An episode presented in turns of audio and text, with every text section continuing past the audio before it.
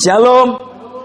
Hari ini kita belajar tentang changing our reaction. Reaksi kita harus berubah. Nah, kemarin minggu lalu kita sudah belajar tentang respon. Nanti kita belajar reaksinya hari ini. Tapi sebelum kita belajar, kita akan uh, mengerti dulu sama-sama konsepnya tentang reaksi dan respon. Kita per, kita percaya dalam Alkitab kita semua orang dituntut untuk dewasa. Setuju ya Bapak Ibu ya? Alkitab juga ngomong bahwa kalau kita masih makan susu, kita masih makan makanan yang ringan, itu itu makanan anak-anak kecil.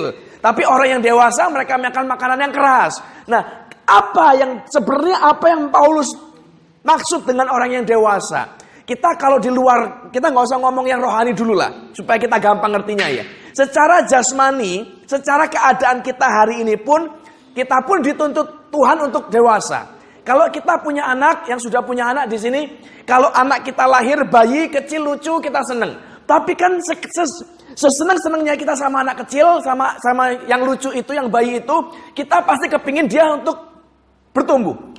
Betul nggak? Kalau dia nggak tumbuh terus, ya berarti kan something wrong. Elora kecil itu lucu. Tapi kalau dia kecil terus, nggak bisa gerak, nggak bisa bolak-balik, nggak bisa berdiri, something wrong. Itu sudah nggak lagi lucu. Semua orang dituntut untuk bertumbuh, untuk dewasa. Bukan untuk jadi tua ya, untuk jadi dewasa. Nah masalahnya adalah kadang-kadang kita ini salah konsep, salah mengerti tentang yang artinya dewasa. Kalau ini orang nggak terlalu banyak, kita rada rada relax lah, rada gampang ya. Kalau ditanya, Yohan misalnya, dewasa itu apa sih kira-kira? Sudah bisa membedakan mana yang baik. Bisa bedakan mana baik, mana buruk. Terus apa lagi? Tahu yang salah, tahu yang benar. Terus? Lebih bijak. Kalau mau punya pasangan, mau kawin kan mesti, oh kita cari yang dewasa. Dewasa itu yang kayak apa? Kalau kita ngomong dewasa berarti kita kita ngerti bahwa oh dia tanggung jawab. Oh dia bisa ngatur waktu, oh dia tahu yang mana yang penting, mana tidak. Dia bisa dia bisa mengerti, dia bisa tahan dirinya, dia bisa menguasai diri dan segala macamnya. Tapi semua yang kita bilang tentang kriteria dewasa itu sebenarnya bicara masalah emosi di dalam.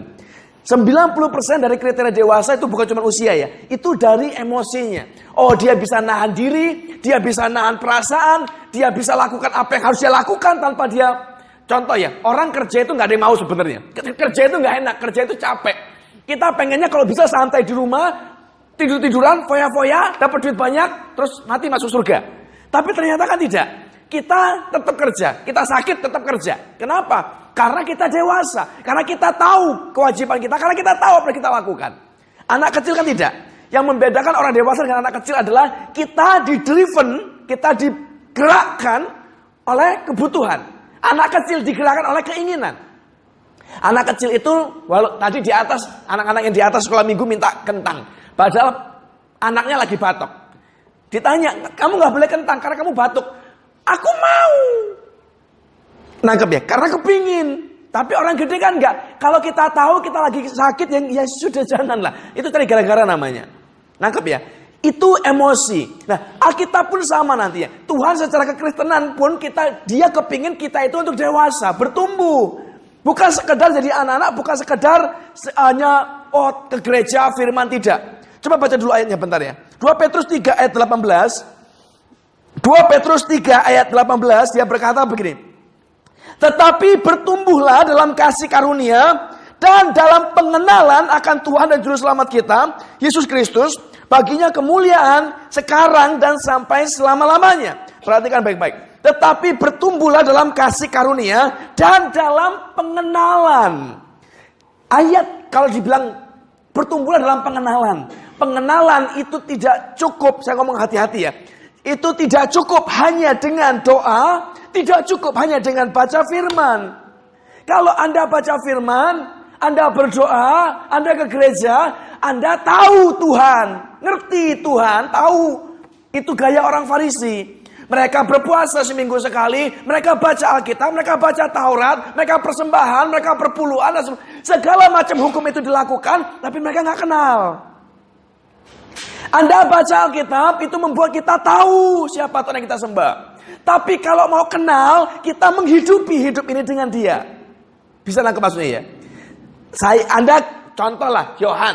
Dia tahu istrinya awalnya. Oh, istrinya dia, calon istrinya dia adalah waktu itu seorang penulis buku, seorang survivor autoimun, oh begini begitu. Dia tahu, dia lihat dari YouTube, dia lihat dari ini, dia lihat dari situ. Oh, dia dia tahu. Dan saya yakin pertama, per, pertama kali kenal, pertama kali ketemu, pertama kali memutuskan menikah, bayangannya dia masih kayak Cinderella nanti. Oh, kita akan happily ever after kayak Shrek. Kita akan menikah, lalu punya rumah, punya anjing, punya mobil, punya anak, happy. Begitu masuk pernikahan ternyata tidak se seindah yang dibayangkan. Ternyata waktu pertama tahu, orang kalau tahu pertama itu semua yang mesti baik. Oh, ini wanita idaman, wanita sempurna. Baik banget, lemah lembut, tegas, bisa mandiri. Itu tahu. Begitu dikenal, begitu masuk rumah bersama, kenal, bukan cuma tahu. Begitu kenal, ternyata berbeda. Bisa nangkep ya? Pengenalan hanya bisa didapat bukan dari tahu. Pengenalan didapat waktu kita hidup bersama. Dengan Tuhan, kita baca firman, kita berdoa, kita ke gereja, itu kita tahu dia. Oh, kita tahu dia Tuhan yang penyembuh, kita tahu dia Tuhan yang memberkati, kita tahu dia Tuhan yang baik, kita tahu. Dan itu dibilang oleh Daud yang berkata begini, dah dulu dari kata orang aku mengenal engkau, aku eh, sorry, aku tahu tentang engkau. Tapi sekarang aku melihat engkau perbuatanmu yang ajaib itu. Itu Daud. Dulu dia tahu dari kata orang, sama kita juga tahu. Tapi sampai kita mengalami dia, kita nggak pernah kenal dia. Dari mana kita kenal Tuhan? Apa yang dialami? Alkitab menulis nanti perhatikan baik. Semua perjalanan kekristenan itu sebenarnya itu hanya masalah tentang uh, penyertaan Tuhan. Penyertaan Tuhan di mana? Dalam lembah dan badai, dalam air mata, dalam api dan segala macam, dalam penderitaan.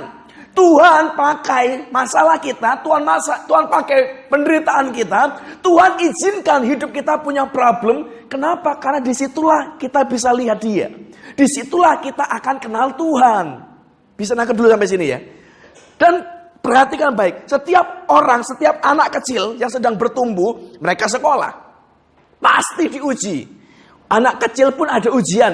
TK pun ternyata ada ujian. Oh diuji, latihan nari begini terus diuji, latihan nyanyi terus diuji. SD ada ujian, kita kenal ada ujian setengah semester, ujian semester, ada ulangan, ada tes dan segala macam. Semua orang diuji. Dengan Tuhan sama. Kita juga diuji untuk untuk memastikan kita itu bertumbuh, growing up. Bukan sekedar tahu, bukan sekedar oh iya aku ke gereja, oh iya aku baca firman, aku berdoa, tapi nggak ngerti apa-apa. Jangan. Disuruh Alkitab ngomong, bertumbuhlah dalam kasih karunia dan pengenalan akan Tuhan. Disuruh kenal. Sadar baik-baik bahwa semua orang di sini pasti punya masalah. Ah, cuman bedanya yang satu mungkin lebih berat, satu lebih kecil, satu lebih ringan, yang satu darurat, satu nggak seberapa. Tapi semua orang punya masalah. Kenapa? Itulah cara Tuhan untuk membuat dirinya dikenal dan dia mengenal. Ngerti maksudnya ya? Anda akan tahu siapa yang sudah menikah lah, lebih gampang wis. Kita kadang berpikir kita itu kenal. Oh, aku tahu suamiku, aku kenal suamiku, aku kenal istriku. Anda tidak akan pernah sungguh-sungguh mengenal siapa pasanganmu sampai Anda melewati jurang maut. Sampai Anda melewati beban berat, Anda melewati pergumulan besar, baru di situlah kau akan kenal dia. Kalau dalam keadaan happy-happy, kita nggak akan pernah kenal dia kok.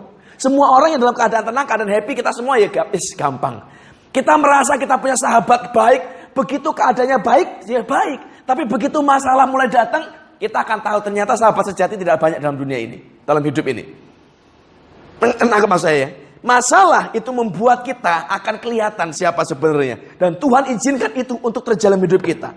Nah, masalahnya adalah waktu dia beri masalah, dia izinkan masalah itu datang. Dia izinkan kita melewati badai itu.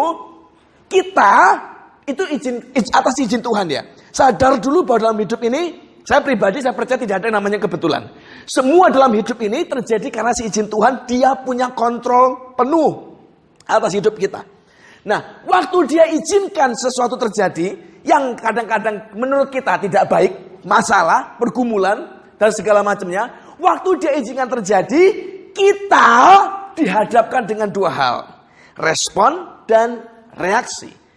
Respon itu, kemarin sudah diajar minggu lalu, respon itu adalah tanggapan, perasaan, jawaban atas sesuatu kejadian. Ada kejadian, ada peristiwa, kita ngerespon Kita ditabok orang, ngerespon. Wah, sebel, marah. Kita dibentak orang, sebel, keluar respon. Tapi masih direspon, respon itu masih di dalam. Supaya ngerti baik, supaya tahu bedanya. Respon itu masih di dalam. Gak keluar, gak kelihatan. Johan kupukul. Itu dia akan respon. Respon itu keluar. Otomatis sudah. Tapi di dalam. Kalau dia balas mukul, itu bukan respon. Itu reaksi. Reaksi. Reaction. Action. Jadi respon itu adalah perasaannya yang kita rasa Reaksi adalah yang keluar tindakannya. Bisa nangkep nggak sekarang? Nangkep ya. Nah, kita perlu sadar sekarang. Masalah respon kita udah ngerti kemarin. Minggu lalu udah diajarin. Kita belajar reaksi sekarang. Semua orang pasti akan bereaksi. Pasti. Masalahnya adalah reaksi kita sekecil apa pun itu akan menentukan hidup kita ini akan ke mana arahnya akan menuju kelimpahan atau kehancuran ke ke mana ditentukan oleh reaksi. Respon saja, perhatikan saya ngomong ini baik-baik, jangan dipelintir ya. Respon saja tidak cukup. Respon itu keluar yang pertama. Lalu harus ada reaksinya. Nah reaksinya ini apa? Nah kalau kita ngomong reaksi, kalau Anda baca dalam terjemahan Webster bahasa Inggris, reaksi itu dibilang begini. Reaksi itu uh, action yang keluar yang sifatnya itu spontan. Yang sifatnya itu fast, cepat. Jadi begitu ada sesuatu, dia bereaksi dengan tindakan cepat sekejap tanpa dipikir atau nggak sempat mikir, spontan, tense dan agresif. Jadi keras gitu loh tindakannya. Kita di orang ngomong misalnya ngomong kasar sama kita, tersinggung, wah langsung respon keluar reaksi keluar keras. Yang dibedakan respon itu begini. Respon itu adalah satu keadaan kita, perasaan kita yang calm. Yang tenang, yang dipikir, yang tidak melibatkan emosi. Itu menurut mereka, menurut Webster. Artinya begini, respon waktu kita ditonjok orang misalnya, semua respon orang pasti sama. Sakit, marah, bingung. Tapi respon itu bukan sekedar yang keluar pertama, Respon itu diatur. Kemarin minggu lalu kita sudah belajar. Oh, di, kita disakiti orang, responnya apa? Pengen bales, wajar. Tapi kan kita harus mengendalikan respon itu. Oh, kita dipukul orang, sadar, dipikir dulu, ditahan dulu. Kalau Anda pernah tahu ada orang namanya Dale Carnegie dulu. Sudah mati orangnya sekarang. Itu salah satu motivator paling hebat sepanjang masa sampai sekarang. Buku dia, dia sudah mati orangnya, tapi buku dia masih bestseller sampai hari ini tahun 2019. How to win friends and influence people. Dia ngomong begini. Dia suatu ketika dia cerita, uh, dia ini ada terima surat dari orang. Dalam surat itu dia dimaki-maki orang ceritanya, di, dimarahin orang lah. Dia sebel sekali, lalu dia tulis surat balasan. Dan surat balasan ini namanya orang lagi marah, balasannya juga sama-sama kasar. Surat ini keras sekali dia tulis. Dia tulis, dia maki, dia balas segala macam. Cuman yang lagi dilakukan begini. Begitu selesai ditulis, surat itu nggak dikirim. Disimpan di dalam laci. Dia ngomong, akan kukirim nanti 3-4 hari lagi. Begitu 3-4 hari kemudian, dia mau kirim surat itu, dia baca lagi. Wah, kayaknya jangan nulis inilah. Terlalu kasar kayaknya, nggak enak lah. Diganti, ditulis, dia tulis ulang suratnya. Dan kali itu jauh lebih lemah lembut tulisannya. Kenapa? Karena responnya sudah calm, sudah berubah. Itu respon. Tulisannya itu reaksinya. Tapi reaksi itu kan ditentukan dari respon. Bisa nangkep maksudnya ya? Jadi respon kita itu tenang harusnya. Jadi jangan begitu ada apa-apa langsung respon, langsung reaktif. Langsung reaksi. Jangan. Tahan dulu, belajar dulu, ngerti dulu. Nah, Alkitab nanti akan mengajar kita, menulis kita, menuntun kita, reaksi kita itu harusnya bagaimana. Karena semua orang kan punya masalah. Anda disakitin orang, bukan cuma Anda disakitin. Semua orang disakitin. Semua orang pasti pernah. Ditipu orang, semua pasti pernah. Dihina orang, semua pasti pernah. Semuanya kita pasti pernah. Masalahnya adalah reaksi ini yang akan menuntun kita ke mana kita jalannya. Kemarin ada orang nanya begini, kenapa si A hidupnya enak, yang ini kok tidak? Kenapa yang ini bisa dapat duit banyak, yang ini kok tidak? Kenapa yang ini kerjaannya gampang, yang ini kerjaannya susah? Kenapa yang ini hidupnya penuh tertawa, yang ini hidupnya kok penuh air mata? Kenapa begini, kenapa begitu? Padahal kita ini semua dibuat dengan dengan hardware yang sama. Tulang sama, tangan jarinya lima semua sama, tangannya dua semua sama, kakinya dua semua sama. Ini dalam tanda kutip yang general ya. Ada yang tidak punya tangan, tapi itu nanti special case. Mata dua sama, hidung dua sama, kuping sama, semua sama. Waktunya 24 jam sama. Kapasitas otak kita hampir semuanya sama. Dan kalau diukur secara IQ, nggak akan terlalu beda jauh lah. Rata-rata orang 100, 110, hampir sama. Kemampuan kita untuk mengingat hampir sama. Kemampuan kita untuk menyimpan data hampir sama. Semuanya hampir sama. Hardware, software hampir sama. Tapi kenapa hasil manusia berbeda? Model kita semua sama. Tapi kenapa resultnya lain? Ini yang menentukan. Reaksi kita menentukan hasil. Jadi jangan terlalu cepat ngomongin orang, wah dia enak ya. Belum tentu loh. Kita kadang suka bilang, wah dia enak, dia orang kaya, dia punya duit banyak. Kalau kita ditaruh di posisi dia, belum tentu kita bisa sukses. Bisa nangkep ya? Wah, dia dapat kesempatan enak ya. Kalau aku dapat kesempatan aku bisa seperti belum tentu loh. Kita ditaruh di posisi yang sama seperti dia, belum tentu kita bereaksi seperti dia. Bisa nangkep ya? Nah di Makarim yang punya Gojek, CEO-nya Gojek dia ngomong begini kemarin. Semua orang bisa curi idemu. Punya ide apa? Bisa ditiru. Tapi tidak, tapi orang tidak bisa curi actionmu. Reaksimu tidak bisa. Ngerti maksudnya ya? Kalau kita ngomong, wah ide kita banyak mah ide. Jalan apa tidak? Tergantung. Kita disakitin orang, semua bisa sama kok. Tapi reaksi kita menentukan. Jadi hari ini stop reacting. Respon yang benar menentukan reaksi yang benar. Nah, reaksinya apa? Belajar, ngerti dulu. Coba baca dulu bentar ayatnya. Roma 8 28. Kita akan lebih mudah bereaksi kalau kita mengerti ayat ini. Roma 8 ayat 28. Kita tahu sekarang bahwa Allah turut bekerja dalam segala sesuatu untuk mendatangkan kebaikan bagi mereka yang mengasihi Dia, yaitu bagi mereka yang terpanggil sesuai dengan rencana Allah. Perhatikan ya, kita akan lebih mudah bereaksi waktu kita mengerti kebenaran firman ini, bahwa kita tahu segala sesuatu dalam hidup ini tidak terjadi dengan sengaja, dengan kesengajaan atau tidak sengaja, tidak. Semua terjadi dengan seizin Tuhan. Bad days, good days, hari-hari baik, hari-hari malam semuanya dari dari mana? Dari Tuhan. Kita mau bilang, wah hari ini aku diberkati, itu dari Tuhan, iya. Wah hari ini aku kecelakaan, dari Tuhan tetap. Jadi jangan Jangan salah, jangan seakan-akan Tuhan itu kuat di satu bidang tapi lemah di bidang yang lain. Oh, hari ini dia lagi berkuasa, kita hari baik. Lalu lagi kena musibah, Tuhan di mana? Loh, dia tetap di situ. Dan musibah yang kita alami, musibah yang menurut kita itu musibah, itu adalah seizin Tuhan. Dia tidak pernah kehilangan kontrol atas hidup kita. Kita mau bangkrut sekalipun, itu seizin Tuhan. Kita mau kalami masalah kayak apa pun seizin Tuhan.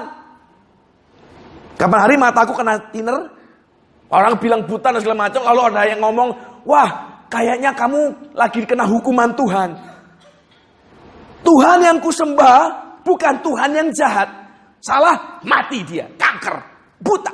Enggak loh. Tuhan yang saya kenal, dia mati di kasal, dia berkata, finish selesai, aku mati bagimu, supaya kamu yang sakit disembuhkan, supaya kamu yang miskin diperkaya, supaya kamu yang hina ditinggikan. Itu Tuhan yang kusembah, yang ku kenal. Tapi ada orang yang ngomong, wah kamu kayaknya dosa, kamu kayaknya salah. Jadi ini hukuman Tuhan buat kamu. Dan dari omongan dia, saya pun merespon dan bereaksi. Cuman reaksiku ini. Saya bilang, yang keluar, reaksiku yang keluar adalah, ini bukan hukuman, ini dari Tuhan. Ada yang ngomong ini setan, bukan, ini dari Tuhan. Semua baik dan buruk datang dari Tuhan. Kenapa? Karena dia bekerja dalam segala sesuatu mendatang kebaikan. Walaupun aku melihat, kita melihat kadang-kadang hari ini kita dapat musibah, kita dapat dapat masalah, belum tentu itu masalah. Nanti ke bawah kita belajar nanti. Tapi belum tentu itu masalah. Kita hanya lihat hidup ini kayak potongan-potongan puzzle kok. Pernah lihat main puzzle ya, yang yang disusun-susun, yang nanti ada kotak-kotak-kotak dimasukin menjadi gambar. Nanti kalau jadi jadi gambar apa? Kita ini lihat hidup cuma day by day hari demi hari, kejadian demi kejadian. Kita nggak pernah bisa lihat gambar besarnya kok. Nanti, kata kata Paulus berkata, nanti waktu kita di surga, kita akan melihat Tuhan berhadapan muka dengan Tuhan tanpa selubung. Di situ kita akan lihat dengan jelas apa yang dirancangkan. Tapi sekarang, semua orang menjalani hidup hari demi hari. Kita nggak tahu besok akan terjadi apa. Kita nggak tahu nanti akan terjadi apa. Kita cuma melewati jam demi jam, detik demi detik, menit demi menit. Kita nggak pernah tahu gambar besarnya. Kita cuma melengkapi pasal demi pasal. Dan kita nggak ngerti ini musibah atau berkat kita nggak tahu. Semuanya datang dari Tuhan. Jadi kalau Anda satu suatu ketika kena masalah, Anda suatu ketika dijahatin orang, Anda suatu ketika mengalami kejadian yang tidak menyenangkan, dan kepingin bereaksi dengan keras, pengen marah, pengen balas, pengen berbuat ini itu, sadarlah bahwa kejadianmu itu seizin Tuhan. Kalau sudah tahu izin Tuhan dan masih berani marah, ya, ya terserah wis. Tapi kalau kita tahu ini dari Tuhan, kita kan harusnya sadar bahwa semua yang dia izinkan terjadi pasti mendatangkan kebaikan. Akan sangat lebih mudah buat kita untuk bereaksi dengan benar waktu kita tahu kebenaran ini. Waktu kita nggak ngerti, waktu kita pikir, oh Yohan bikin hidupku susah. Reaksi kita akan mudah salah. Kenapa? Karena kita blaming dia penyebab dari susahnya hidup kita. Tidak. Yang bikin kita keadaan hari ini itu karena Tuhan izinkan lewat dia. Tangkap nggak sampai sini? Tangkap ya. Jadi jangan bingung sama orangnya dulu. Sadarlah bahwa kita ini seperti main film sandiwara. Ada sutradaranya di atas sutradaranya. Dia ngomong, Yohan, kamu akan mengalami ini, ini dan ini. Anda lihatlah bioskop, lihatlah film-film, makin laris filmnya, yang box office box office, yang hebat-hebat film itu, lihatlah, semua punya kesamaan. Pemeran utamanya pasti nelongso, susah. Iron Man mesti mati, kalau nggak mati nggak nggak jadi box office. Nangkep maksudnya? Semua yang film-film yang yang box office, yang orang suka, wah dia jatuh bangun, dia kes, dia disakiti, dia begini begitu habis-habisan, lalu berhasil menyelesaikan mimpinya, visinya, berhasil mengembalikan keadaan apa pun itu, mencapai goalnya, baru senenglah kita.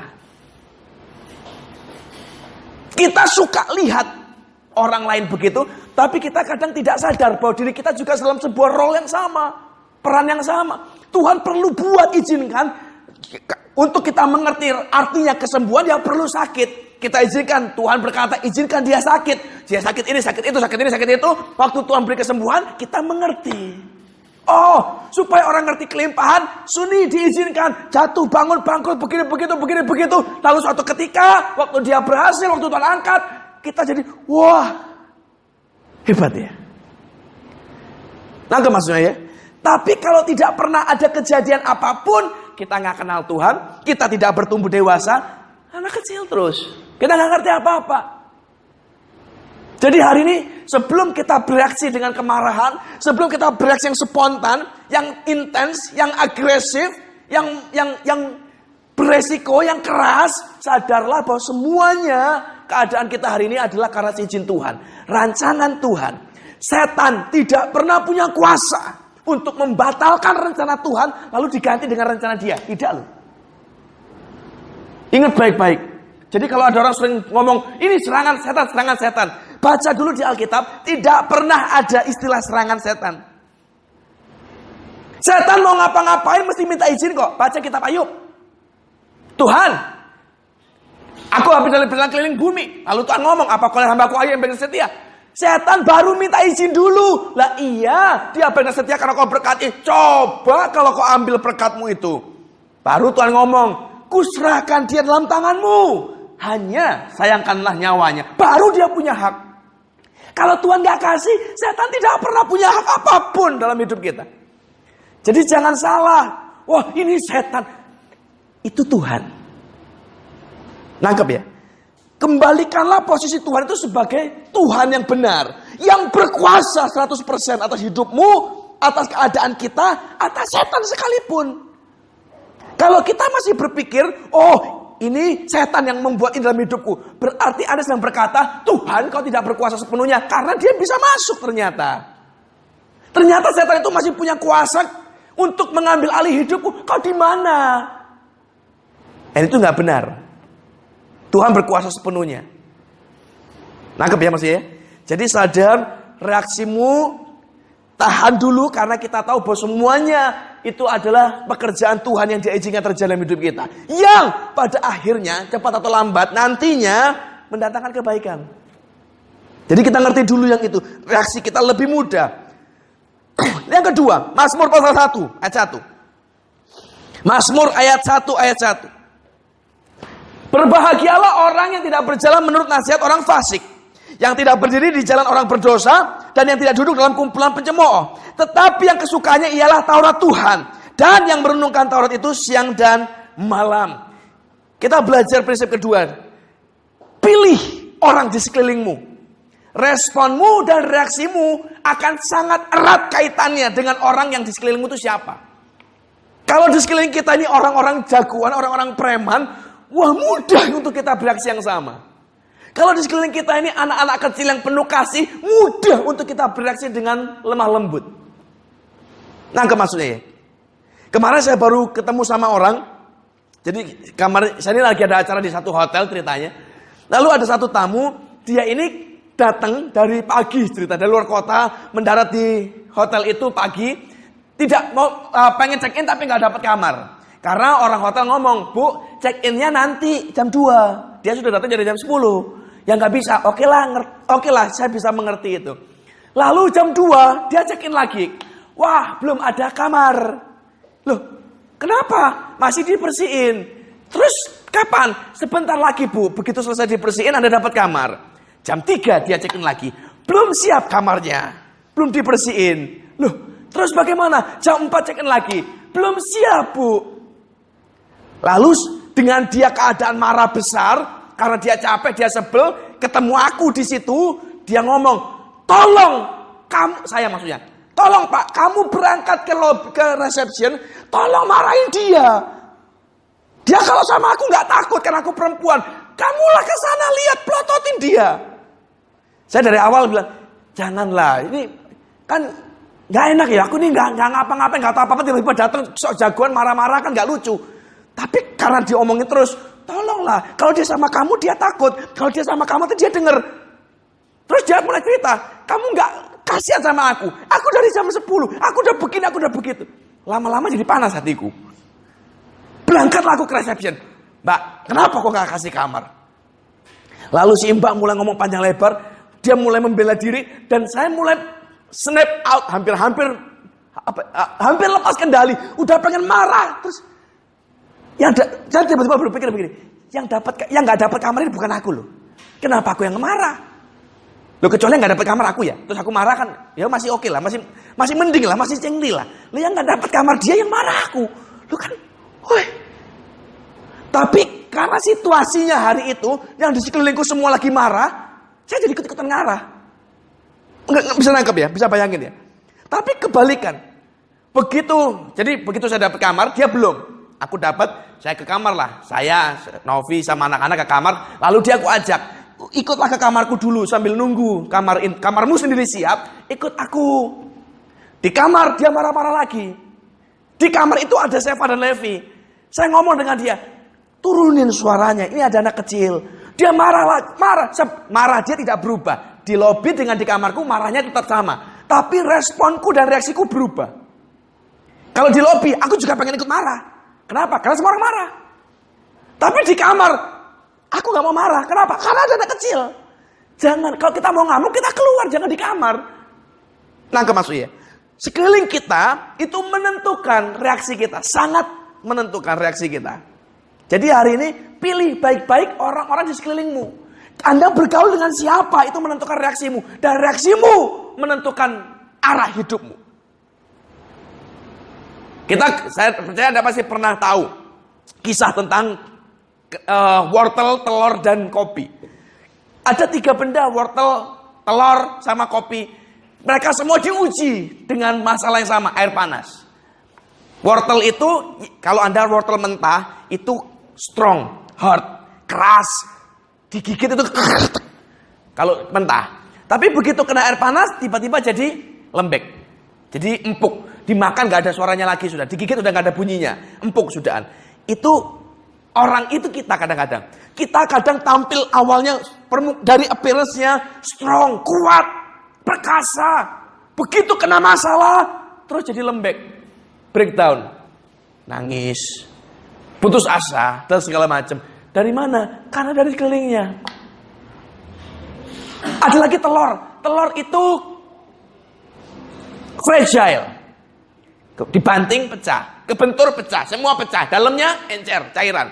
Lembek, lemah. Begitu kena air panas, keras dalamnya. Itu juga gambaran kita. Orangnya lemah lembut, rohani ya kelihatannya baik. Begitu kena masalah, orangnya masih tetap, kulitnya masih tetap, Cangkangnya masih tetap nggak berubah, dalamnya berubah. Jadi keras, jadi pahit, jadi jahat. Lalu kepahitan. Dari siapa? Sekelilingnya. Masalahnya sama, air panasnya sama nggak berubah. Tapi respon dia menentukan dan reaksinya berubah. Ada kopi. Kopi diuji juga dengan air panas. Dia juga bereaksi. Dia mengubah airnya, semua berubah warnanya ground beef, eh ground beef, ground bean, uh, kopi yang mentah itu nggak bisa diapa-apain, dimakan nggak bisa. Ada yang pernah nyemil kopi? Nggak ada.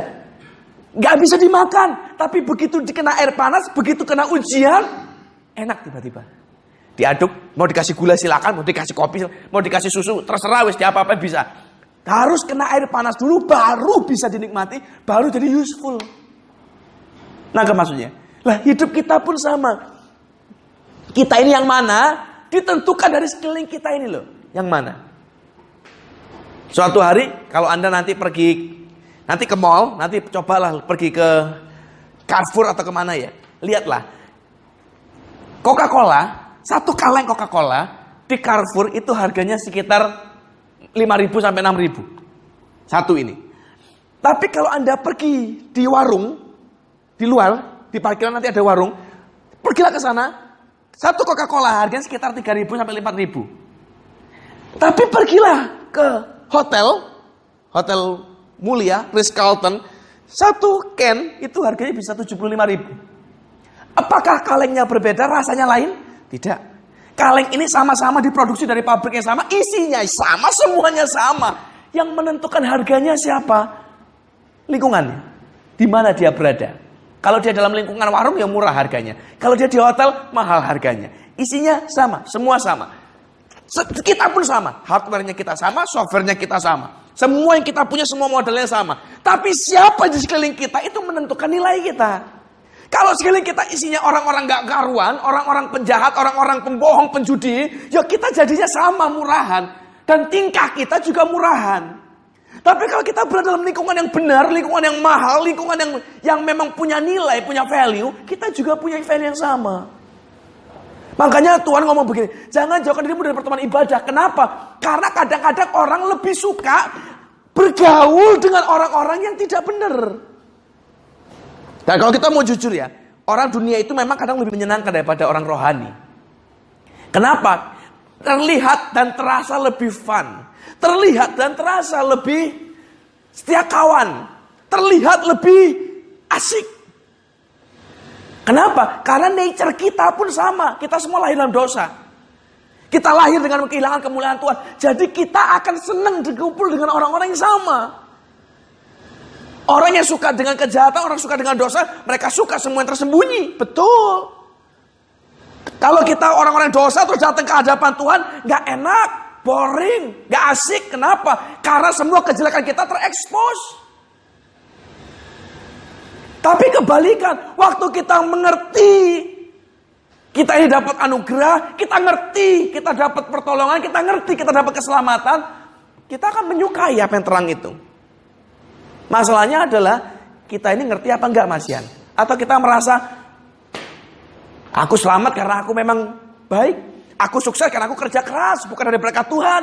Aku ada hari ini karena memang aku. Ya, kalau nggak tahu diri udah susah sih memang. Ngerti ya maksudnya? Kumpullah, pilihlah orang-orang di sekelilingmu. Karena orang-orang di sekelilingmu ini menentukan responmu dengan benar. Di sini orang-orang di gereja nggak ada yang rokokan di sini. Waktu ibadah maksudnya. Tapi apakah keluar ada yang merokok? Ada. Bisa banyak bahkan mungkin. Tapi kenapa mereka tidak merokok di dalam gereja? Karena kumpulannya tidak ada yang begitu.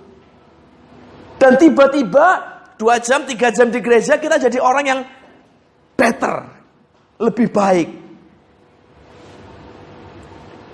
Begitu keluar, ya nggak tahu lagi. Di sini di ibadah tidak ada yang lagi main HP atau video porno, nggak ada. Tapi apakah di luar waktu selesai ibadah nggak ada yang nonton? Bisa jadi ada loh.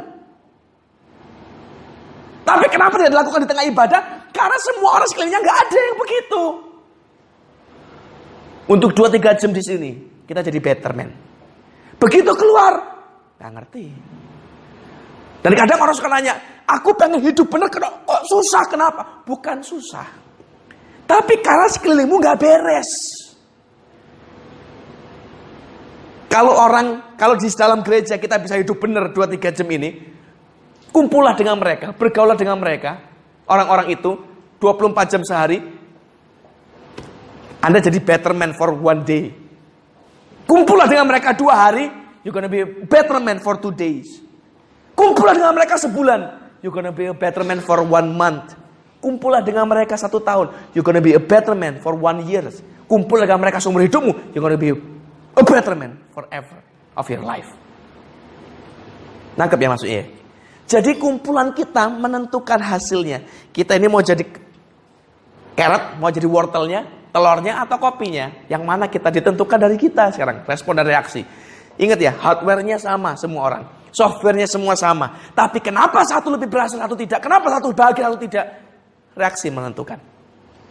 Respon menentukan. Jadi hati-hati. Lanjut. Matius 11 ayat 18 sampai 19. Suatu ketika Yesus dikompar dibandingkan sama orang-orang dengan Yohanes Pembaptis. Matius 11 ayat 18. Ada? Karena Yohanes datang, ia tidak makan dan tidak minum dan mereka berkata ia kerasukan setan. Kemudian datang anak manusia, ia datang dan minum dan mereka berkata, lihatlah, ia seorang pelahap dan peminum, sahabat pemungut cukai dan orang berdosa. Tetapi hikmat Allah dibenarkan oleh perbuatannya. Jadi suatu hari Yesus itu dibanding-bandingin. Wah Yohanes begini, dia begini. Yohanes begitu, dia begini. Kita ngerti, kita tahu bahwa salah satu yang kita tidak suka dalam hidup ini waktu kita di compare. Yohan misalnya, apa rasanya waktu Kes suatu hari ngomong begini, pacarku yang dulu nggak kayak kamu loh, dia baik, lemah lembut, kamu kok jahat. Rasanya pengen diapain itu? Pengen digambarin kali. Kita kan, kita paling anti ntar. Erin misalnya sama si Teddy, kalau dia pernah suatu ketika misal Teddy ngomong, Mantan pacarku dulu nggak kayak kamu. Dia perhatian baik, gak judes. Ngomong gak nyolot. Rasanya kan, ya kawin aja sama dia. Kan kita bisa sebel sekali. Waktu di compare-compare begitu rupa. Yesus suatu ketika di compare. Tapi perhatikan. Setiap orang, semua orang, Anda akan punya reputasi. Itu didapat, reputasi itu didapat dari cara Anda bereaksi terhadap tekanan. Kalau Anda uh, per, pengen pernah ngelamar kerja misalnya, atau pernah buka lamaran kerja, salah satu syarat biasanya yang dicari perusahaan untuk karyawan yang baru masuk adalah mampu bekerja di bawah tekanan. Nah, dari mana dan apa efeknya? Gampang. Waktu ada perusahaan nasional misalnya Unilever lah atau BCA lah, dia mau rekrutmen petinggi-petinggi. Yang dicari, dia juga pasti akan cari orang-orang yang pernah bekerja di perusahaan selevel yang sama dengan dia. Gak mungkin dicari fresh graduate. Apakah fresh graduate itu selalu bodoh? Tidak. Tapi mereka akan cari yang pernah paling paling tidak kalau mereka mau misalnya mereka mau cari direktur dia dengan perusahaan nasional ini ya multinasional ini dia akan juga pasti akan nanya pengalaman kerjamu apa oh saya pernah bekerja di United Tractor misalnya, dari director. Oh saya pernah bekerja di Indofood misalnya. Dengan level perusahaan yang kira-kira sama multinasional, mereka akan consider. Tapi kalau Anda ngomong, saya pernah jadi direktur di Cipompom. Orang kan, What is that? CV ini dibuang mesti. Kenapa? Gak beda level. Apakah saya pasti tidak qualified? Belum tentu. Kalau berdasarkan spek yang lain, S3 misalnya. Saya bisa saya bisa masuk kualifikasi. Mampu bekerja dalam tim? Bisa. Ngerti bahasa Inggris? Bisa. Ngerti akuntansi? Ngerti aku. Ngerti ekonomi? Ngerti. Tapi yang tidak dipunya adalah reputasi. Mampu bekerja dalam tekanan. Tekanan apa? Perusahaan multinasional mereka punya tekanan yang berbeda dengan perusahaan nasional. Perusahaan nasional punya tekanan berbeda dengan perusahaan keluarga. Perusahaan keluarga berbeda dengan tekanan berbeda dengan perusahaan perorangan. Nangkep ya? Nah, reputasi kita, nilai kita ditentukan dari reputasi itu. Reputasi didapat dari mana? Dari kemampuan kita bereaksi di bawah tekanan.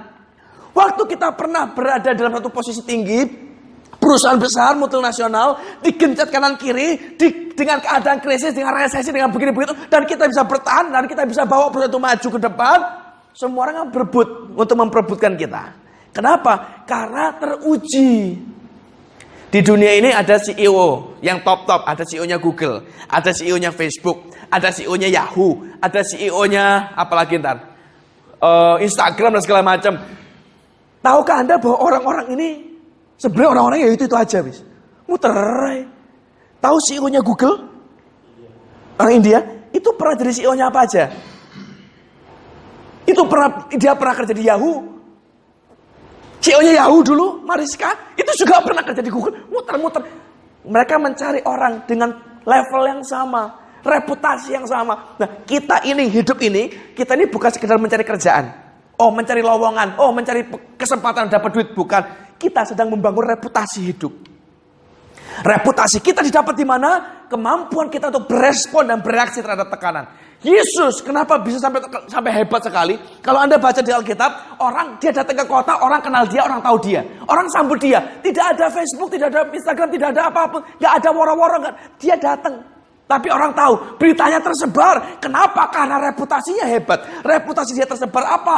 Mampu untuk berespon. Mampu reaktif dengan tepat. Dan saya berdoa kita juga harusnya punya reaksi yang tepat.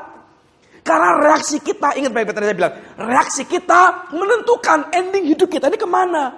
Hardware-nya sama, software-nya sama, modal awal kita semua sama, hasil hidup kita bisa berbeda. Itu bukan karena duit, bukan karena modal, bukan karena kesempatan kerja, pendidikan, bukan. Reaksi kita ini loh menentukan. Saya kasih cerita sebentar ya. Ini ini baru kejadian dua hari yang lalu, Jumat.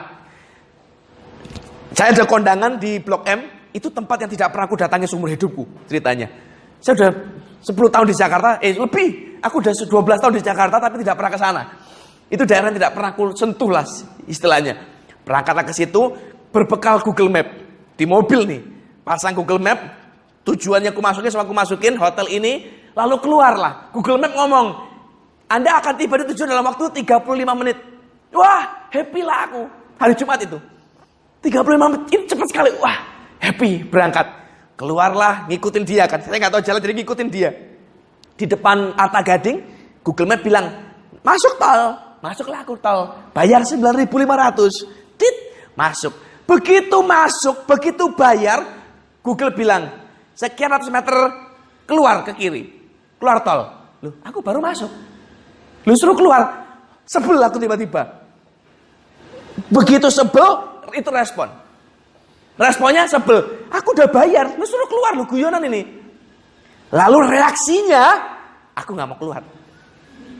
Aku udah bayar kok. Ini nggak pasti ngawur dia. Aku juga mengerti. Aku nggak tahu jalan sih ke Blok M. Tapi aku ngerti Blok M itu jauh. Lan, masa aku baru masuk lu keluar lagi kan boceng nih toh. Is, aku mau lurus terus. Mau apa? Responnya sebel, reaksinya memberontak. Lanjut terus. Dia bilang belok kiri. Enggak. Lanjut aku naik tol. Begitu yang dia ngomong belok kiri ku lewatin, kan berubah langsung. Tiba-tiba berubah. Anda akan tiba tujuan 47 menit. Loh.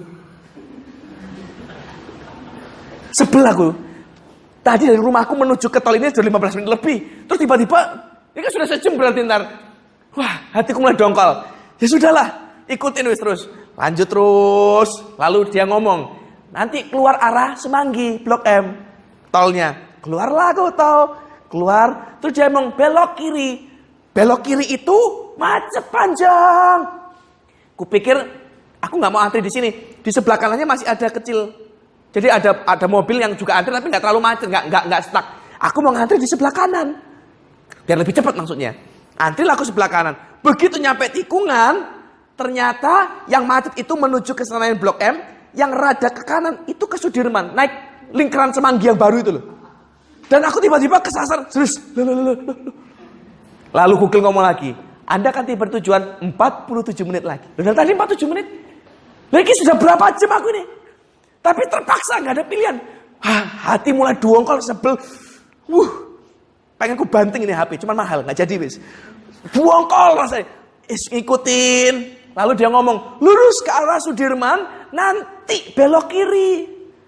Aku bingung, belok kiri ke mana? Ternyata di bawah, menuju Sudirman, menuju, sebelum ke Bundaran HI, itu ada turunan ke bawah, sebelah kiri, terus muter balik di bawah, supaya bisa ke belakang.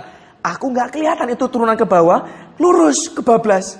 Terus tiba-tiba dia ngomong, Anda akan di pertujuan 56 menit. Loh, Hati itu rasanya sudah berbusa-busa di sini. Lihatin, wah, ah, respon, reaksi. Saya Levi ngajak ngomong udah, jangan ada bersuara kalian semua ya. Ini duongkel hatiku. Ngelewatin bundaran HI. Begitu bundaran HI muter lagi, lampu merah. Waktu lampu merah, Google bilang, lurus terus. Berhentilah aku di jalur tengah. Persis di urutan pertama. Jadi lampu langsung aku. Tengah. Begitu saya berhenti, Google recalculating belok kanan. Hah? Aku udah gak bisa belok kanan, aku udah dicepet di tengah. Polisi di samping kiri ada polisi. Jadi, wah bayangkan ya. Dia sudah ngomong ke kanan, Anda lebih cepat sekian menit. Tapi tiba-tiba harus lurus. Begitu lurus, Anda akan tiba tujuan 60 menit. Wah, langsung otakku berpikir, dari tadi ya, dari 35 menit ini awalnya. 47, 47, berapa? Waduh, gak karon. Lurus terus. Dengan aku menahan hati. Reaksi dan respon campur aduk wis. Terus tak ikut, ku ikutin terus. Sampai akhir. Google Map bilang, Anda tiba di tujuan. Aku bingung. Ini gang kecil nyampe nya. Hotel gede loh ini, hotel berbintang. Terus nyampe nya aku di gang kecil. Mana mana tujuanku? Gak kelihatan. Pelanggan ada, semua gak ada. Cuman ada tukang rujak sama warung Indomie. Aku bingung, di mana hotel ini? Turunlah aku dari sana. Ada satpam aku nanya, Pak, hotel ini di mana? Ini Pak hotelnya. Loh, terus pintunya mana? Ini belakangnya. Loh terus, kalau Bapak mau ke hotel, muter balik lurus Pak. Nanti belok kiri, kiri lagi jalan raya. Nah itu pintunya. Deket kok. Ya sudahlah, hati dongkol. Tapi karena dia ngomong deket, penghiburan wis. Oke lah, saya puter mobil balik. Dia ngomong kan lurus, kiri, kiri, nyampe. Aku lurus, mau belok kiri, ada tanda dilarang masuk. Verboden. Loh, itu tukang parkir, kata kiri, kiri, kiri, kiri gak bisa. Terus ke mana? Google berkata, lurus terus. Aku udah mulai benci sama dia. Dari tadi dia ngomong, tapi kan aku gak punya pilihan. Aku ikuti lurus terus. Belok kiri, belok ini. Wah muter, akhirnya kembali ke jalan raya. Ini seberang kantornya Gojek. Lurus masuk. Ketemulah pintu depan hotel. Masuk lobby. Aku udah akhirnya begitu baru masuk pemeriksaan, baru berhenti di lobby mau nurin anak-anak. Satpam ketok jendela. Pak, parkir penuh pak. Duh, saya nginep di sini. Ya nggak bisa tetap parkir penuh. Dan terus saya ke mana? Bapak ke belakang. Jadi nanti ini lurus kiri, kiri lagi itu belakangnya pak. Loh, itu kan tukang Indomie tadi. Wah, hati itu, wes. Ya sudah, wes. Dengan dua kali aku keluar lagi, balik lagi, ketemu tukang parkir yang tadi lagi. Dia nanya, Bapak kenapa kembali? Jangan banyak ngomong, saya mau parkir. Ku parkir, dia nanya, mau bayar pakai kartu apa pakai uang? Loh, saya nginep di hotel. Ya itu kan di hotel, ini kan di jalan raya pak. Harus bayar. Berapa? Satu jam sepuluh ribu. Saya nginep Ya sama saja pak, ini kan di jalan raya. Kalau nggak mau bayar di hotel. Wah sebel hatiku. Sudah aku bayar akhirnya, lalu dia ngomong, Bapak paling telat sampai jam 6 ya. Lewat dari jam 6, Anda harus bayar lagi ulang. Lo kenapa? Karena ganti tukang parkir pak. Wah, bongkol setengah mati. Dari yang harusnya 35 menit, ku hitung-hitung 3 jam. Begitu nyampe kamar, saya merenung begini. Hanya satu kali kesalahan. Kesalahan itu cuma satu sebenarnya. Disuruh keluar tol, aku nggak mau keluar. Reaksiku berlainan. Keluar, no. Jalan terus, tiga jam akhirnya. Dari satu kesalahan, tiga jam berputar jauh, tiga jam aku kehilangan waktu, aku kehilangan sukacita, aku kehilangan banyak kesempatan, tiga jam hanya karena satu kesalahan. Imagine it, berapa besar efek yang akan terjadi dari satu kali kesalahan, dari satu kali slip, satu kali lolos, satu kali miss. Hanya satu kali membuat hidupku jadi rusak hari itu. Dan perhatikan ini ya, setiap reaksi pasti punya efek. Satu kali itu dalam hidup kita 24 jam. Percayalah, kita tidak akan dikasih pilihan sama Tuhan. Satu kali saja dalam sehari, pilih reaksimu. Tidak. Dalam 24 jam Tuhan akan kirim terus-terusan dan kita akan terus-terusan berpilih dengan reaksi kita hari ini. Dari tadi pagi, sekarang, nanti siang, nanti sore, nanti malam, kita terus-terusan. Dan bayangkan kalau satu kali kesalahan membuat hidup jadi begitu panjang dan ruwet. Apa yang terjadi dalam hidupmu waktu kalau dalam satu hari ini kita buat 10 kesalahan.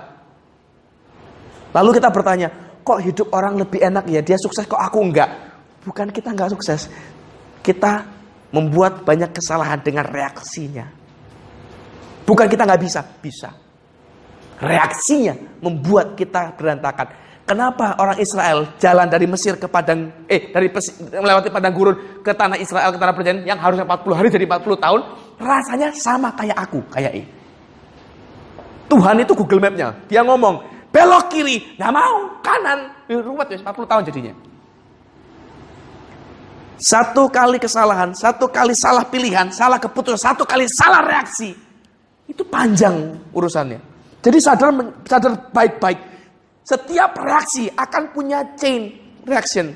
Ada ada ekornya, ada efeknya panjang, nggak cuma satu, panjang. Dan hidupmu, hidup saya, hidup kita semua hari ini ditentukan dari tepat atau tidaknya reaksi kita hari ini. Kalau hari itu kemarin reaksiku pas, disuruh keluar aku ya keluar, disuruh ikut ya ngikut, rasanya aku kan sampai dalam waktu 35 menit beneran kayaknya. Kayaknya. Hari ini, ini ini tadi saya baru pulang dari hotel yang sama, saya nginep di situ.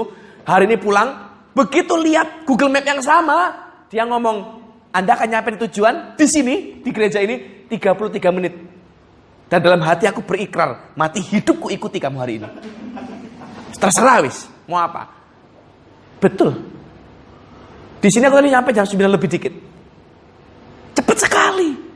Kadang-kadang reaksi menentukan. Padahal kemarin hari Jumat aku udah berikrar. Aku ngomong sama Novi begini. Google Map akan ku hapus dari HP ku. Aku mau pakai Waze aja mulai sekarang. Dia membuat aku susah. Yang buat kita susah itu bukan Google Map-nya. Yang bikin kita susah itu reaksinya.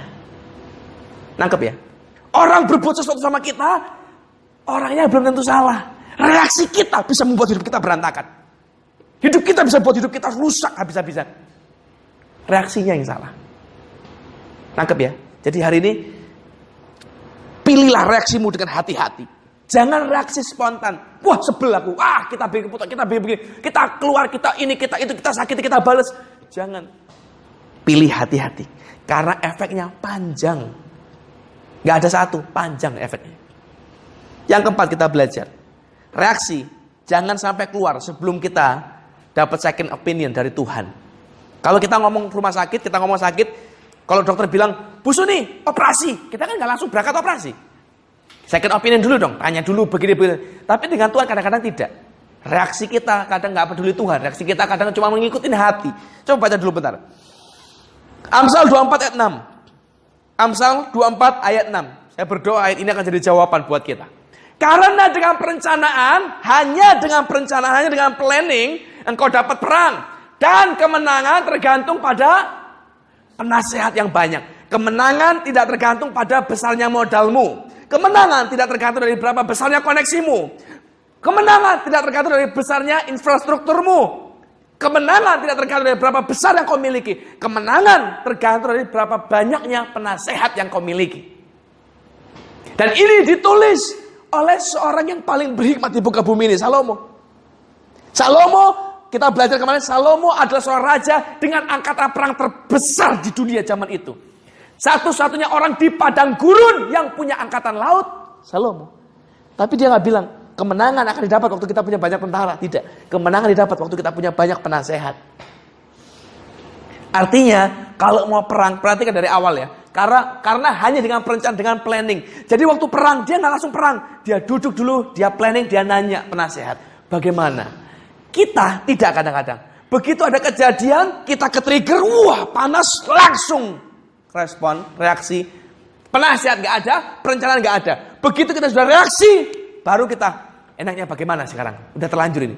Salah. Waktu kemarin aku kejepit di tiga jam di jalan. Di tengah jalan aku berpikir, bagaimana kalau aku naik Grab? Lebih gampang kayaknya. Tapi tidak bisa dilakukan sudah. Mobilku taruh mana? Jadi mau nggak mau, tiga jam itu harus lewati terus. Sampai ending, sampai kelar. Mau nggak mau, terpaksa. Kalau harusnya Tuhan berkati hari ini, kita salah reaksi, mundur tiga tahun, ya terpaksa tiga tahun jalanilah sampai habis. Dan kalau selama tiga tahun itu tidak ada lagi kesalahan reaksi yang kita buat, tiga tahun kemudian kita akan nyampe tempat berkat yang disiapkan Tuhan. Tapi kalau ternyata dalam tiga tahun itu kita masih ada reaksi lagi yang salah kita buat, tambah panjang, tambah jauh, dan kadang-kadang sampai mati kita nggak nyampe sana. Bukan karena Tuhan tidak berkati, tapi karena reaksi kita membuat kita salah jalan. Ngerti ya maksudnya ya? Jadi baik-baik perhatikan ini. Sabarlah planning. Kalau versi Yesus dia bilang begini, siapakah orang yang bisa perang kalau dia tidak duduk diam? Duduk tenang. Mikir, hitung. Jangan sampai dia perang tapi tidak bisa selesai. Jangan sampai dia bangun tapi nggak kelar. Duduk tenang, planning, penasehat. Penasehatmu juga bukan penasehat yang duniawi harusnya. Penasehatmu harus yang benar baru kita ngerti. Jadi jangan kebanyakan ngomong, jangan kebanyakan judgment, jangan kebanyakan respon dan reaksi. Jangan. Diam dulu. Kita, tadi aku udah bilang, kita ini hanya hidup menjalani day by day. Hour by hour, jam demi jam, detik demi detik. Kita nggak pernah tahu rancangan Tuhan seperti apa. Suatu hari ini ada kisah lama, ini cerita lama. Ini aku ceritakan ulang supaya paling nggak kita dapat gambaran lah. Suatu hari ada orang miskin sekali di sebuah desa. Gak punya apa-apa, tapi dia punya kuda. Kuda putih yang sangat bagus banget. Raja pun kepingin, ini, ini kuda indah sekali. Dan suatu ketika raja kirim putusan kepada dia. Aku mau beli kudamu itu, karena kudamu itu kuda bagus. Berapa harga kamu minta? Lalu si orang miskin ini dia ngomong, aku tidak akan jual kudaku, karena ini satu-satunya aku miliki. Aku nggak punya anak, nggak punya istri, nggak punya apa-apa, cuma kuda yang aku miliki. Nggak mau, kalau aku jual aku ngapain? Jadi tidak akan kujual. Singkat cerita, tidak dijual ya sudah. Besoknya, waktu dia bangun pagi, dia lihat ke kandang, kudanya hilang. Gak ada, kudanya gak ada di sana.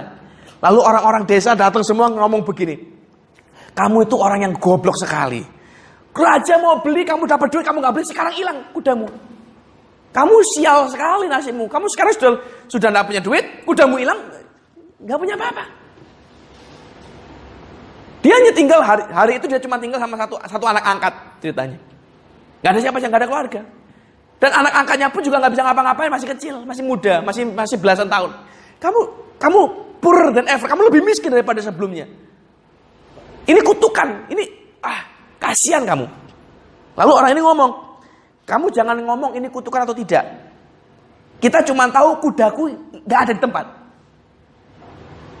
Itu toh, itu hanya itu. Jangan dilanjut yang lain.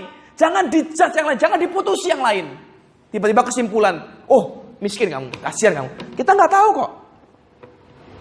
Warga desa ini yang orang nggak bisa diomongin biarin lah dia nggak tahu diri masih aneh ditinggal dua minggu kemudian kuda ini ternyata balik lagi kuda putih ini dia ternyata nggak dicuri orang dia kabur dari kandang dan hari itu lima, uh, dua minggu kemudian dia dia balik dari tengah hutan, dia kembali, dia bawa 12 ekor kuda lain.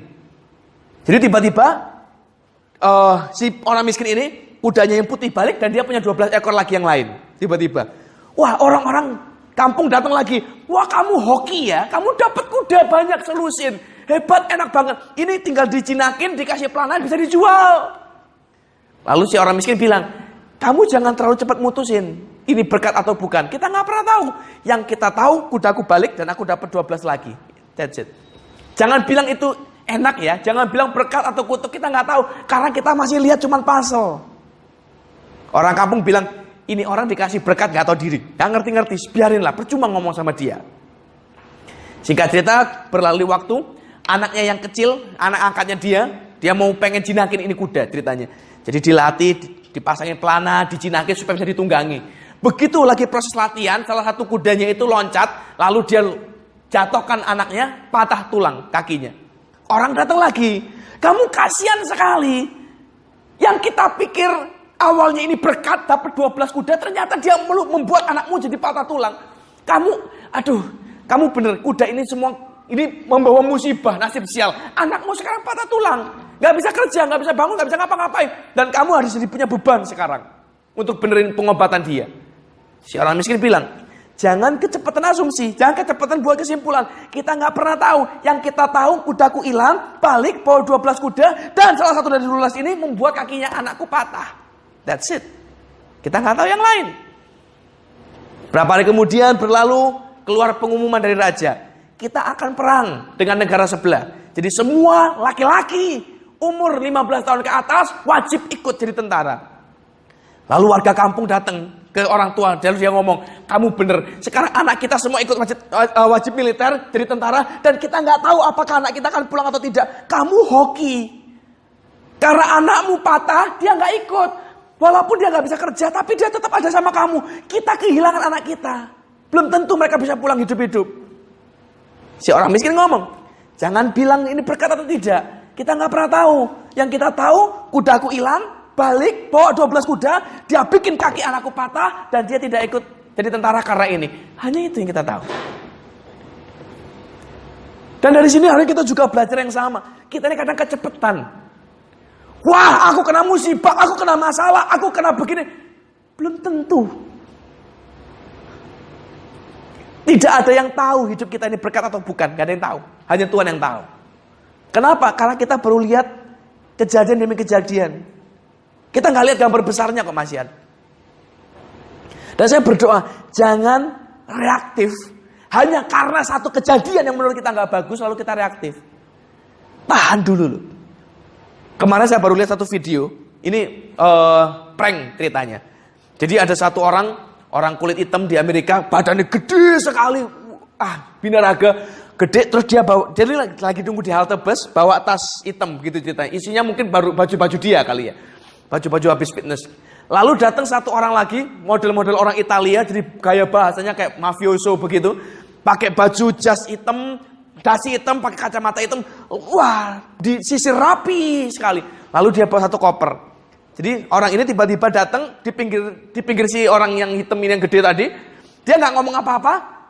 Tasnya yang koper ditaruh, tasnya orang ini diambil. Lalu dia bilang thank you. Dia berangkat. Jadi itu kertasnya ceritanya. Lalu orang ini kaget, Lalu, itu tasku. Kamu salah ngambil. Lalu si orang Italia ngomong, iya aku udah ganti sama yang itu. Tidak bisa, itu tasku. Dia udah mau digebukin di, di, di halte. Lalu orang Italia ini ngomong, kamu yakin ini bukan tasku yang ku ambil dan yang ku tinggal itu bukan tasmu? Bukan. Wah itu udah, udah hampir kontok-kontok kan udah pukul-pukulan. Diulang lagi, kamu yakin ini yang ku pegang tasmu dan itu bukan itu itu bukan punyamu yang tadi yang dia bawa. Yakin. Lalu sama dia diambil tas koper itu. One last time. Kamu yakin ini bukan buat tukeran ini? Bukan. Lalu dibuka, kopernya isinya duit. Ditanya lagi, kamu yakin ini bukan punyamu? Tiba-tiba orang itu berubah. Oh, I made mistake. Yes, yes, it's mine. Aku kira kamu tadi bukan orang yang kutunggu. Tiba-tiba bisa nyambung sendiri berubah. Iya ya itu tasku. Kamu ambil tasku yang ini, yang itu punyaku. Yang isi duit itu punyaku. Padahal dia nggak saling kenal. Ditanya, tapi kamu tadi bilang bukan tasmu. Aku kan harus hati-hati. Jadi tiba-tiba dia seakan-akan jadi sedang transaksi apa nggak ngerti wis. Aku harus hati-hati memastikan kamu orang yang tepat. Oh pergi nggak nyambung. Tapi tiba-tiba reaksinya berubah setelah lihat duit. Yang tadi mau gebukin ini orang Italia nggak jadi sekarang. Ayo kita ke belakang, ke belakang halte. Kita selesaikan ini baik-baik. Gara-gara duit, reaksi. Waktu pertama tasnya diambil, dia pikir itu maling. Reaksinya keras. Begitu ada duit, reaksinya lembut. Kita pun sama. Kadang-kadang dalam kehidupan ini kita lihat, wah ada orang yang ngambil sesuatu dariku. Malingkah dia? Penipukah? Belum tentu. Tuhan kadang izinkan sesuatu dari kita diambil supaya dia bisa berikan yang lebih benar dari itu. Kita nggak pernah tahu hidup ini. Sekarang kita ngalami musibah. Minggu depan kita nggak tahu. Kemarin saya baru ketemu satu orang di tempat pesta. Orang ini kaya sekali, sangat kaya. Lalu ngobrol aku dengan dia. Saya tanya, Pak, kamu ini kerja bagaimana caranya? Kok bisa seperti ini? Hebat sekali. Lalu dia cerita, dulu aku ini gila pak. Loh, kok bisa? Lah kalau gila kok bisa jadi orang kaya? Aku yang gak gila aja gak jadi-jadi kok. Kok bisa? Dia cerita. Jadi dia suatu ketika dia bisnis, dia pinjam uang di bank. Begitu pinjam uang, dia bikin kerjaan, bangkrut kerjaannya, istrinya tinggalkan dia. Jadi dia tiba-tiba tidak punya siapa-siapa, hutang sendirian, terus habis-habisan. Dia ngemis, dia wah gak karuan, dia berusaha jadi sales, dia kerja lagi, dia begini begitu, begini begitu, jadi kerja sama orang. Lalu suatu ketika bosnya dia ini tempat dia kerja nanya, kamu itu setiap kali ku gaji, setiap kali gajian maksudnya, kok nggak pernah kelihatan ada perubahan? Pakaianmu tetap itu, kendaraanmu tetap itu, sem semuanya itu. Kamu apain duitmu ini? Kamu itu nggak punya duit, eh sorry, nggak punya istri, nggak punya rumah, nggak punya apa. Tapi kenapa nggak ada yang berubah? Lalu dia ngomong, aku bayar utang pak. Cicilanku setiap kali aku dapat uang, semua itu ku bayar ke sana dulu wis. Tanggunganku harus selesai. Lalu bosnya belas kasihan dia bilang, gini aja, aku punya satu cabang kecil. Kamu pegang cabang itu. Ini cabang udah mau mati, udah mau kututup. Kalau kamu dalam tiga bulan bisa membuat cabang ini hidup lagi, ku kasih bagimu. Kamu pegang itu, milikmu. Tapi kalau tidak, aku nating tulus. Karena juga mau kututup. Singkat cerita dia ambil kesempatan itu dalam tiga bulan hidup. Ternyata cabang ini hidup jadi gede, jadi gede, jadi gede, jadi gede. Sekarang dia punya 100 cabang di Semarang. Dari satu. Dan itu dari belas kasihan orang sudah mau mati, dikasih jadi 100. Lalu dia ngomong begini, hari itu saya baru mengerti kepergian istriku itu salah satu berkat yang Tuhan izinkan terjadi. Dan saya, saya aku ini berusaha mencerna. Bagaimana mungkin istri pergi ku berkat Tuhan itu dari mana seperti. Tapi dia ngomong, kalau dia tidak pergi, kemungkinan aku masih akan terus bergumul dengan hutang itu. Dia nggak menikah sampai sekarang. Dia pegang komitmen. Tapi dia ngomong, yang kupikir musibah ternyata tidak. Kebangkrutanku itu salah satu berkat Tuhan. Kalau tidak, aku masih akan struggling di situ, di bisnis itu yang kalau aku pikir-pikir sampai sekarang, aku bangkrut ini bentar lagi. Tapi dari situ Tuhan tuntun aku jalan. Ketemulah aku tempat ini, ketemulah aku produk ini, ketemulah aku bisnis ini. Dan kemarin waktu dia datang ketemu saya, dia baru resmikan pembukaan cabang ke 100-nya dia. Hebat sekali. So, jangan terlalu cepat reaktif. Keadaan gak enak, kalau kita semua kena lagi kena air panas, tekanannya sama. Masalahnya sama, sakitnya sama, tapi respon kita, reaksi kita membedakan hasil. Dan saya berdoa hari ini, waktu reaksi kita benar, hidup akan jauh lebih mudah, lebih cepat, dan lebih enak untuk dijalani. Jadi hari ini pilih baik-baik reaksi. Reaksi itu yang keluar. Kalau Anda mengalami sesuatu terus marah, sebel, nggak apa-apa. Itu namanya respon. Tapi jangan sampai reaksi yang keluar salah. Karena yang keluar, yang salah itu, itu menentukan kehancuran atau kelimpahan hidup kita. Bisa nakal sampai sini ya? Jadi hari ini sadar dulu bahwa semua kejadian kita itu adalah seizin Tuhan. Tidak ada satupun yang tidak seizin Tuhan. Semuanya seizin Tuhan. Pilih orang sekelilingmu baik-baik. Mengerti bahwa reaksi itu pasti mendatangkan efek yang panjang, pasti. Empat, jaga mulut baik-baik. Sebelum keburu maki orang, keburu marahin orang, keburu bentak orang, jaga dulu baik-baik sampai kita ngerti second opinion dari Tuhan, bukan dari kita. Respon itu first opinion. Marahnya kita itu first opinion, tapi cari dari Tuhan. Biar kita ngerti hari ini. Sabar dulu, tahan dulu, tenang dulu, baru kita bisa lihat dengan benar saya berdoa, reaksi kita, reaksi Anda, reaksi saya membawa kita kepada kepenuhan berkat Tuhan.